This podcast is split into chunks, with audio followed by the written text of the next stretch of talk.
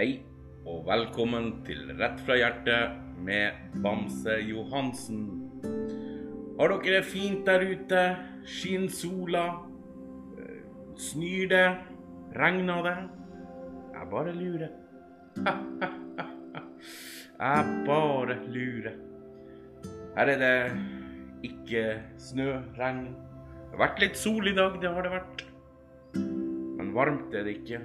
Sånn rundt åtte minus.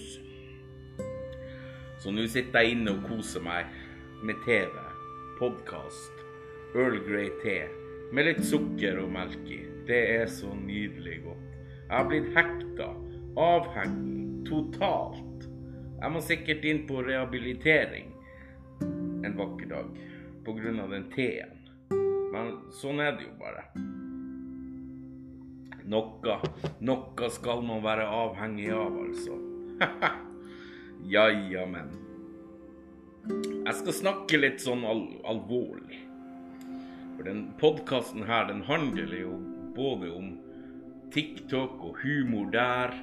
Den handler om mobbing og netthets og slike ting. Det er alt mellom himmel og jord. Og i dag så er jeg tilbake til de mobbegreiene mine. For tenk deg at Tenk deg at du står opp hver eneste dag. Du ser deg i speilet og blir kvalm. Du føler deg lite verd. Og du gjør dine vanlige morgenrutiner mens du gruer deg til å måtte gå ut døra om en liten stund. Du vil ikke på skolen eller på jobben fordi at du vil ikke høre de stygge kommentarene eller se de stygge blikkene. Du er ikke forberedt på truslene om juling osv., men du vet de fort kan komme. De slagene og de sparkene du vil få i dag. Der en av mobberen trekker kniv mot deg og truer deg til å kanskje gjøre ting du ikke vil. Du nedverdiges. Men hvorfor sier du ikke ifra om det? For du vil jo ikke ha det sånn. Men sier ifra, det gjør du ikke. Det har gått for langt. Det har gått så langt at du har begynt å skade deg sjøl. Kutte deg. Og alt du vil, er å bare dø. Dø fra denne verden, slik at du får fred, og mobberne må finne seg et nytt offer i stedet for å bli straffa for det de gjør mot deg. Fordi du vil ikke si ifra. Du tvinger deg sjøl gjennom hver eneste dag med angst og depresjon, sjølskading og tanker som kverner rundt i hodet på deg. Men sier ifra, det vil du ikke. Tør ikke. Kan ikke. Etter skoletid eller arbeidstid er du på sosiale medier, og der hagler meldinger inn. Stygge meldinger, trusler, trusler om drap og voldtekt osv. osv. Og din syke, den blir ikke akkurat noe bedre. Tvert imot. Men igjen, du sier ikke ifra til noen. Du holder det inni deg sjøl. Over 55 000 barn og unge har det sånn her hver eneste dag i Norge. Over 30 000 voksne har det sånn her hver eneste dag i Norge. Og lærere og arbeidsgivere er også en del av mobben. Det her, det må stoppes. For den største grunnen til mange til at mange sliter med psykisk, øh, psykiske lidelser og tar livet sitt, er akkurat pga. mobbing. Mobbing ødelegger livet ditt psykisk, mentalt, og det dreper deg. Jeg har sagt det før, og jeg gjentar meg sjøl. Derfor er det her så viktig å snakke høyt om. Mobbing må bli tatt mer på alvor. Vi har i Norge en straffelov mot mobbing som tilsier at du kan få inntil to års fengsel eller bøter for mobbing. Men dessverre blir ikke den straffeparagrafen tatt så veldig på alvor. Og straff fins ikke, til tross for den paragrafen. Anmeldte mobbesaker blir henlagt og følges sjelden opp. Skolen eller arbeidsplassen tar jo heller ikke ansvar og følger sånne saker opp. Eh, og det er ganske dårlig. Det her burde skoler og arbeidsplasser få refs for, rett og slett.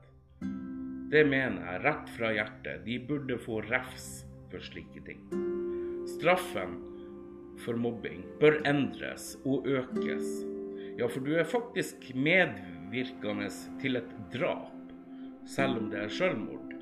Så har du som mobber et liv på samvittigheten din, da ditt offer tok sitt liv pga. det du sa og gjorde. Så straff bør være en konsekvens av mobbing, uavhengig av mobberen sin alder.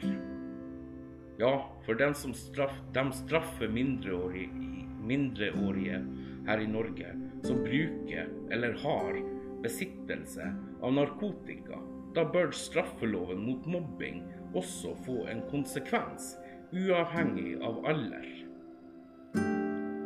For mobbing tar liv, og mobberen er den som er medvirkende til at et menneske tar livet sitt. Men det er en sykt lang vei å gå før ting kan bli bedre, både på skoler og arbeidsplasser når det gjelder mobbing. Vi har et en stor jobb foran oss. Og det går an å forebygge mobbing. Det gjør det, både på skoler og arbeidsplasser. Mange gjør det allerede. Mange skoler og arbeidsplasser gjør det allerede. Men det må følges opp grundig. Dropp mobbing blir nå i disse tider Siden det er korona og sånn, så blir vi i disse tider og Eh, skal prøve å gjøre noe med disse tingene. Og vi skal rådføre oss med dem som sitter på Stortinget og regjering. Så det blir skrevet brev til dem i disse tider, annet. Spesielt angående straffeloven.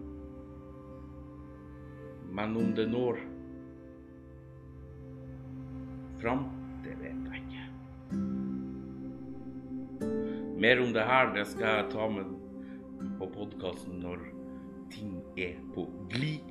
Så vi får se. Jeg er spent. Jeg gleder meg til å sette i gang med det prosjektet. Så jeg har en spennende tid i møte. Men jeg er alene og kan ikke den jobben alene. Det kan jeg ikke. Jobben mot mobbing, den kan jeg ikke alene.